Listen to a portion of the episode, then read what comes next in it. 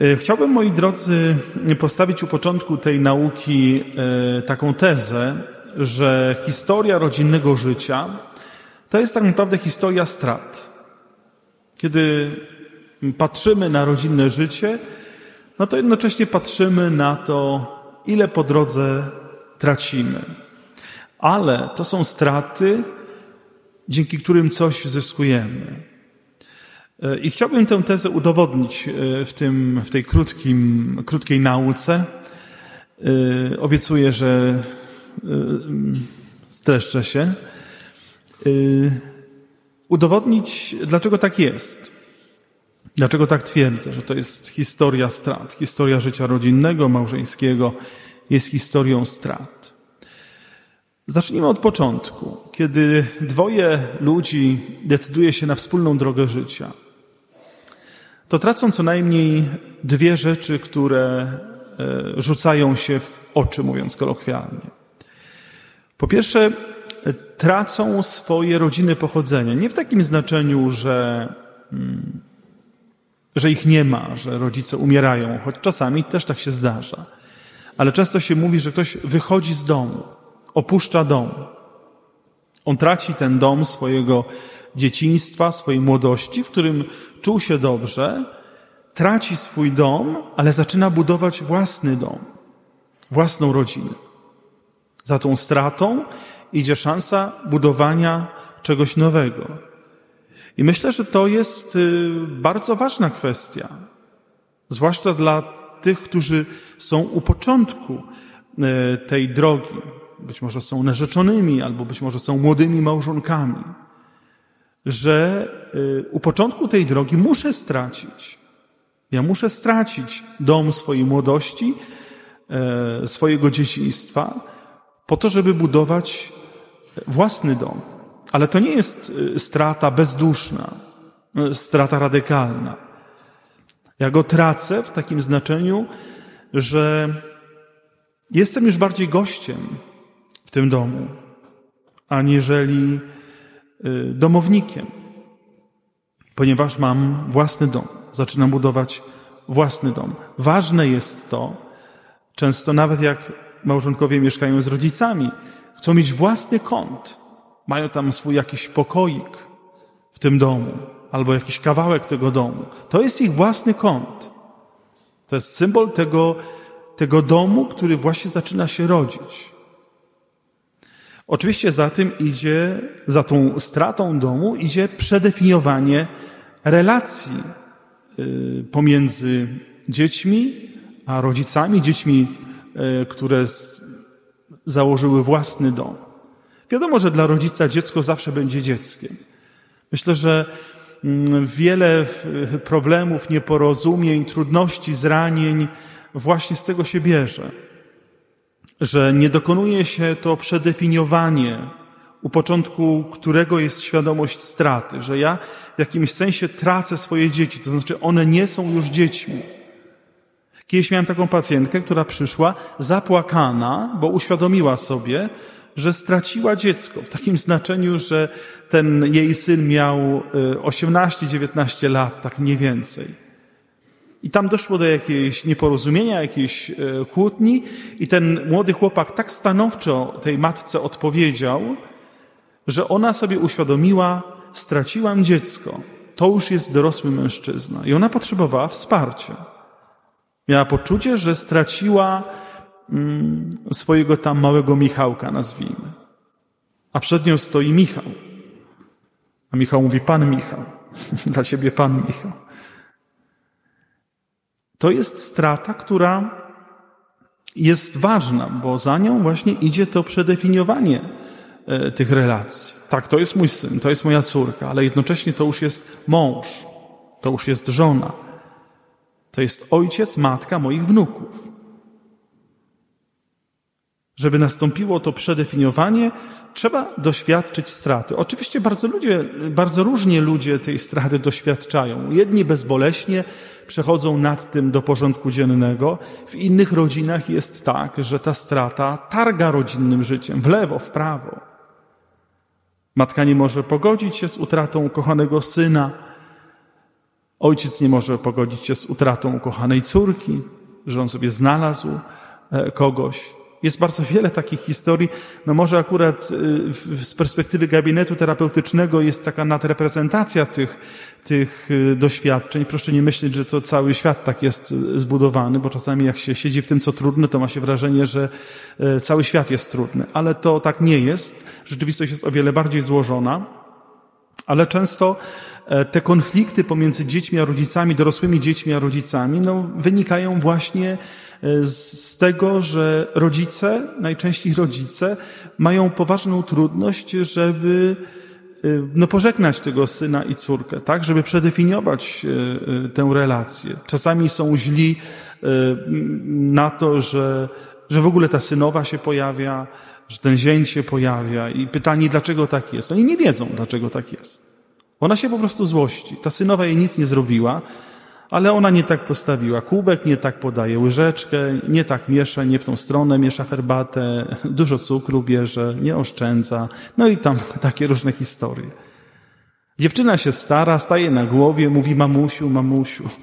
A mamusia jej pokazuje, co to znaczy miłość matczyna, tylko że do syna. I często to, to jest y, y, problem, ponieważ y, właśnie nie ma za tym straty, doświadczenia straty poczucia, że tracę, no bo moje dziecko wchodzi w dorosłość. To jest początek. Ale u tego początku też y, traci się y, stan panieński i stan kawalerski w takim normatywnym układzie. Znamy takich panów, którzy są wiecznie kawalerami i takie panie, które chcą być wiecznie panenami. Ale generalnie ludzie to tracą. To znaczy traci się pewien sposób funkcjonowania, pewien y, styl życia. No bo w, w związku małżeńskim nie da się już tak funkcjonować. A często pary, które przychodzą prosząc o, o wsparcie na terapii, no to często się pojawia. Co jest powodem? Bo mój mąż myśli ciągle, że jest kawalerem. No właściwie tak e, mężów właściwie e, nie przypominam sobie, żeby mąż powiedział, że moja żona jest wieczną panną. Teraz sobie tak uświadomiłem na gorąco. Ale generalnie tak jest, że mój mąż myśli, że on jest kawalerem a on ma przecież żonę, ma dzieci, powinien zatroszczyć się o dom, o rodzinę. Jakby zabrakło tego e, doświadczenia straty tego swojego stanu. To jest ważny stan. Kawalerstwo, panieństwo. On ma swoje prawa, ale trzeba się z nim pożegnać, ponieważ pojawia się najczęściej e, nowe życie, nie tylko w tym znaczeniu, że mamy nowe życie wspólne, mąż i żona, ale też nowe życie w postaci e, dzieci, które e, wywracają często to życie rodziców do góry nogami. Więc trzeba doświadczyć straty już na, na dzień dobry, na, na samym wejściu.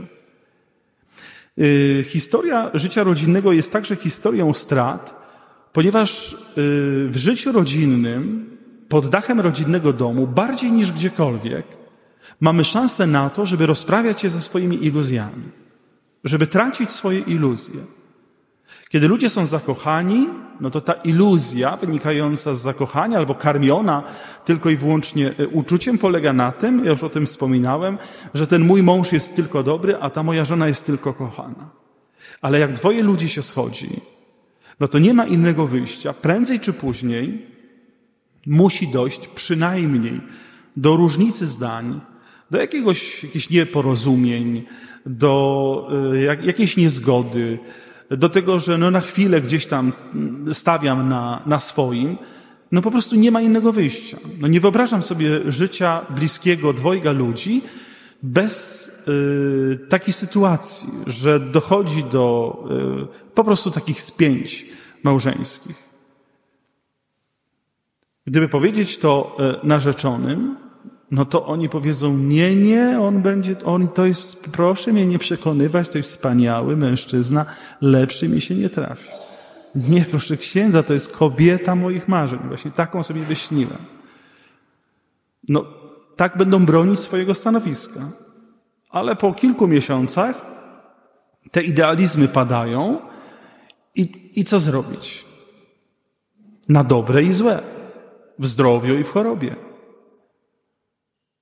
Mam zerwać tę więź dlatego, że mój mąż nie jest tak idealny, jak sobie wymarzyłam, a moja żona nie jest tak idealna, jak sobie pomyślałem? No nie. Trzeba raczej doświadczyć straty, rozprawić się z tym idealizmem, z tym, że człowiek potrafi i kochać, i ranić. I to w równym stopniu mężczyźni i kobiety. Tak po prostu jest, że potrafimy kochać bez pamięci i zranić do żywego. I to jest ten sam człowiek. To jest ten sam mąż, to jest ta sama żona. Tak to po prostu jest. Trzeba doświadczyć straty tego idealizmu. To jest często bardzo trudno i im, trudne i im dalej albo im później to się zadzieje, to jest tym trudniejsze.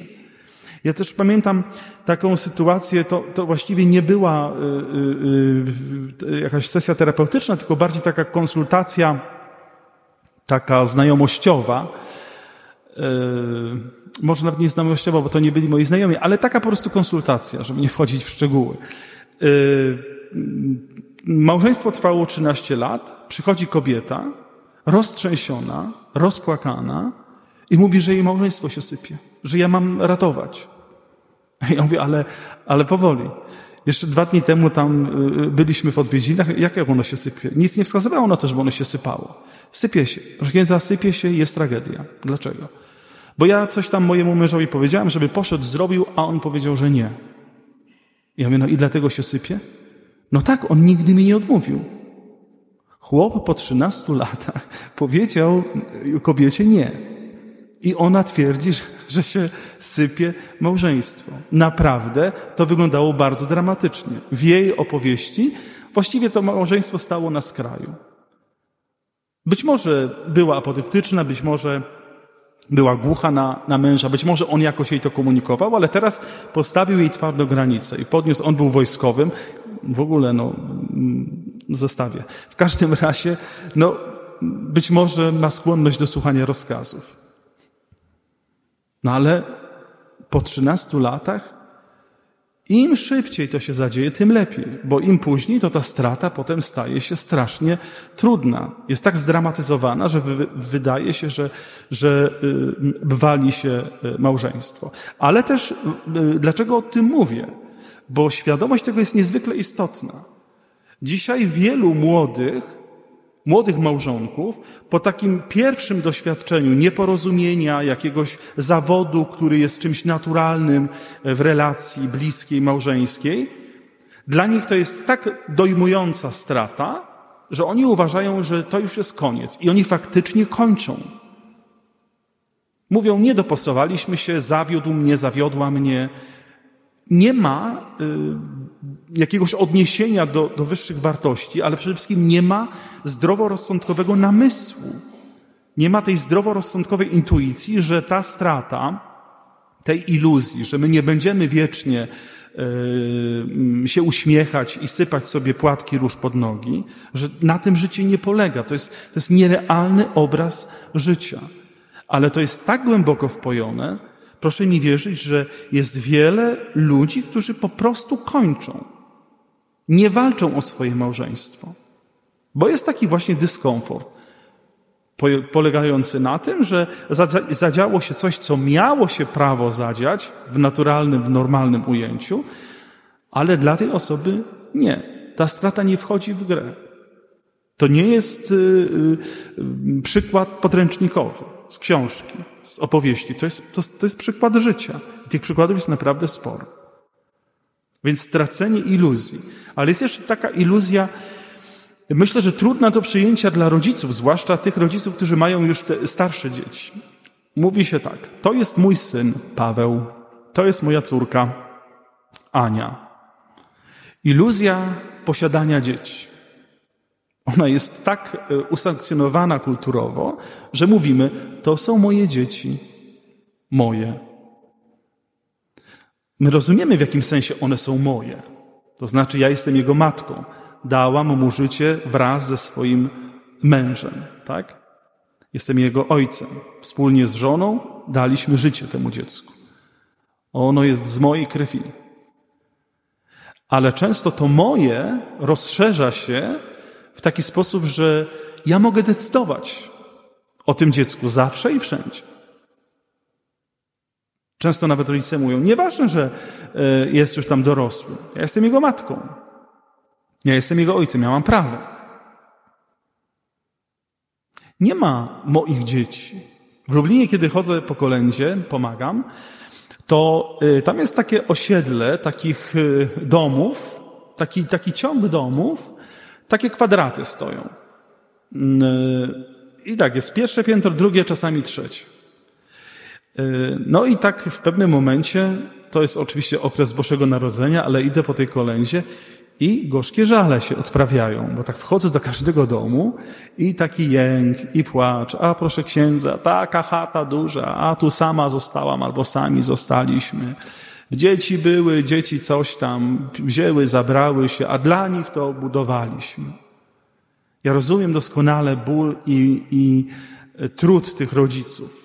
Rozumiem to, że kiedy były budowane te domy, to był taki czas, taki kontekst kulturowy, nikt nie mógł przewidzieć, co to będzie, więc oni dmuchali na zimne.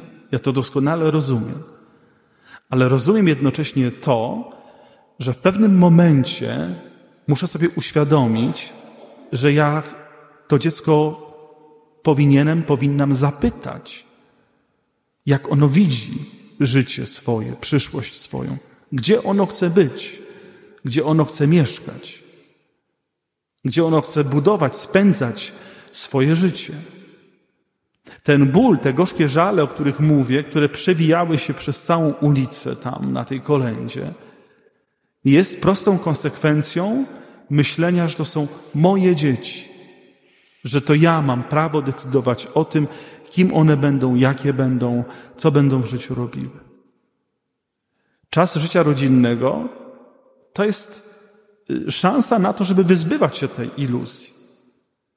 Wyzbywać się, mając w świadomości, tak, ja dałam, dałem tym dzieciom życie, ale one mają własne życie. Ja chcę im pomagać, ja chcę ich wspierać, ja chcę im towarzyszyć, ja chcę przy nich być, ale na takich warunkach, które wszyscy uzgodnimy, nie autorytarnie, bo ja jestem Twój ojciec, jestem Twoja matka. Kiedy to się pojawia, to rodzice dostają coś zupełnie odwrotnego i jakby wtórnie rodzi się jeszcze większy ból. Bo każdy zdrowy człowiek, kiedy mu się narzuca wolę, będzie się odruchowo bronił, będzie bronił swoich granic. Różnie to ludziom wychodzi, ale ta obrona zawsze jest. A jak jest obrona, jak jest wojna, to muszą być ofiary. Cierpią jedni i drudzy. Dlatego, że nie zgubiono iluzji posiadania dzieci. No i jakby idąc dalej przez y, życie, dochodzimy, oczywiście pomijając y, pewne etapy, dochodzimy do y, takiego etapu, który się zwie pustym gniazdem. Mówię o tym dlatego, że coraz bardziej wzrasta świadomość korzystania z pomocy psychologicznej, terapeutycznej pokolenia 50 plus, tak to nazwijmy, to, co jeszcze kiedyś było e, taką nadzwyczajnością, że pojawiał się ktoś w wieku 50 plus, teraz e, właściwie to się staje normą, że e, takie osoby przychodzą z zupełną świadomością, że one potrzebują pomocy. I jednym z obszarów tej pracy jest często doświadczenie straty wynikające stąd właśnie, że te dzieci wyfrunęły z domu. Jest syndrom pustego gniazda. I to jest na tyle dojmująca strata, że właśnie osoba poszukuje e, pomocy. Bo te dzieci były, proszę księdza, dom był pełny, było mnóstwo śmiechu, radości, ciągle w tym domu ktoś był, gotowało się, ktoś zjadł, przyszedł, odszedł, ktoś kogoś odwiedził. Tutaj non-stop ktoś się pojawiał. Teraz jest głucha cisza. Ona mnie zabija, ja nie potrafię tak żyć. To jest trudna strata. Ale co ta strata y, może mi dać? Co ja mogę zyskać dzięki tej stracie?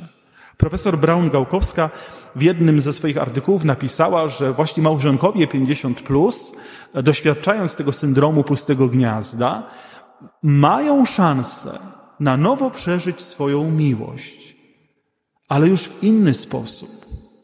To już nie jest ta emocjonalna, szalona miłość młodzieńczych lat. To jest taka miłość, która opiera się o zupełnie inne wartości. Mówiąc krótko, istnieje szansa, że kiedy odzyskujemy ten pusty dom, kiedy doświadczamy tej straty, możemy odnaleźć na nowo siebie. Dla wielu starszych małżonków to może wydawać się doświadczeniem niemożliwym, czasami są mocno podzieleni, poróżnieni, mają dwa łóżka, dwa pokoje, dwa talerze, dwa widelce, jeden nóż. Kto go złapie, ten wygrywa. To może być bardzo trudne, ale niewątpliwie taka szansa jest. Co my zrobimy ze sobą? Popatrz, dzieci nie ma, jesteśmy razem. Może zawalczmy o siebie znowu. To, to jest y, realna perspektywa pozytywnego wykorzystania strat. No i na koniec, moi drodzy, strata e, współmałżonka, czy strata w ogóle, doświadczenie straty w bliskiej rodzinie. Czy to traci się rodziców? No w takim nienormatywnym przebiegu rodzice mogą stracić dzieci. To są jedne z najtrudniejszych strat, bo straty bliskich osób. Ale znowu, trzeba y, otworzyć oczy i y, mieć świadomość, że nie każda strata pod dachem rodzinnego domu jest stratą y, bolesną w takim znaczeniu, że opłakuje się miłość. Ponieważ niekiedy te relacje są tak trudne, że ktoś mówi, no, że jest zadowolony albo cieszy się, że w końcu ta relacja się skończyła, bo umarł ojciec, matka, yy, rzadziej się słyszy syn, córka, yy, albo mąż czy, czy żona. Kiedyś jedna osoba, która mm, była świeżo po pogrzebie, zapytana przeze mnie, co było dla niej najtrudniejsze, odpowiedziała odpisywanie na SMS-y, w których były kondolencje,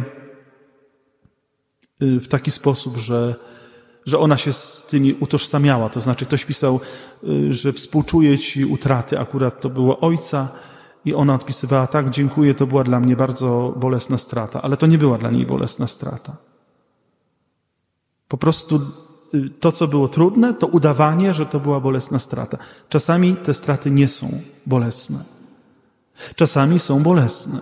Najczęściej są bolesne, bo traci się kogoś bliskiego. Ale bez względu na to, czy ona jest bolesna, czy nie, czy przynosi ze sobą jakąś ulgę, czy e, cierpienie braku, ona ma w sobie możliwość e, przeżycia, zbudowania tej więzi na nowo.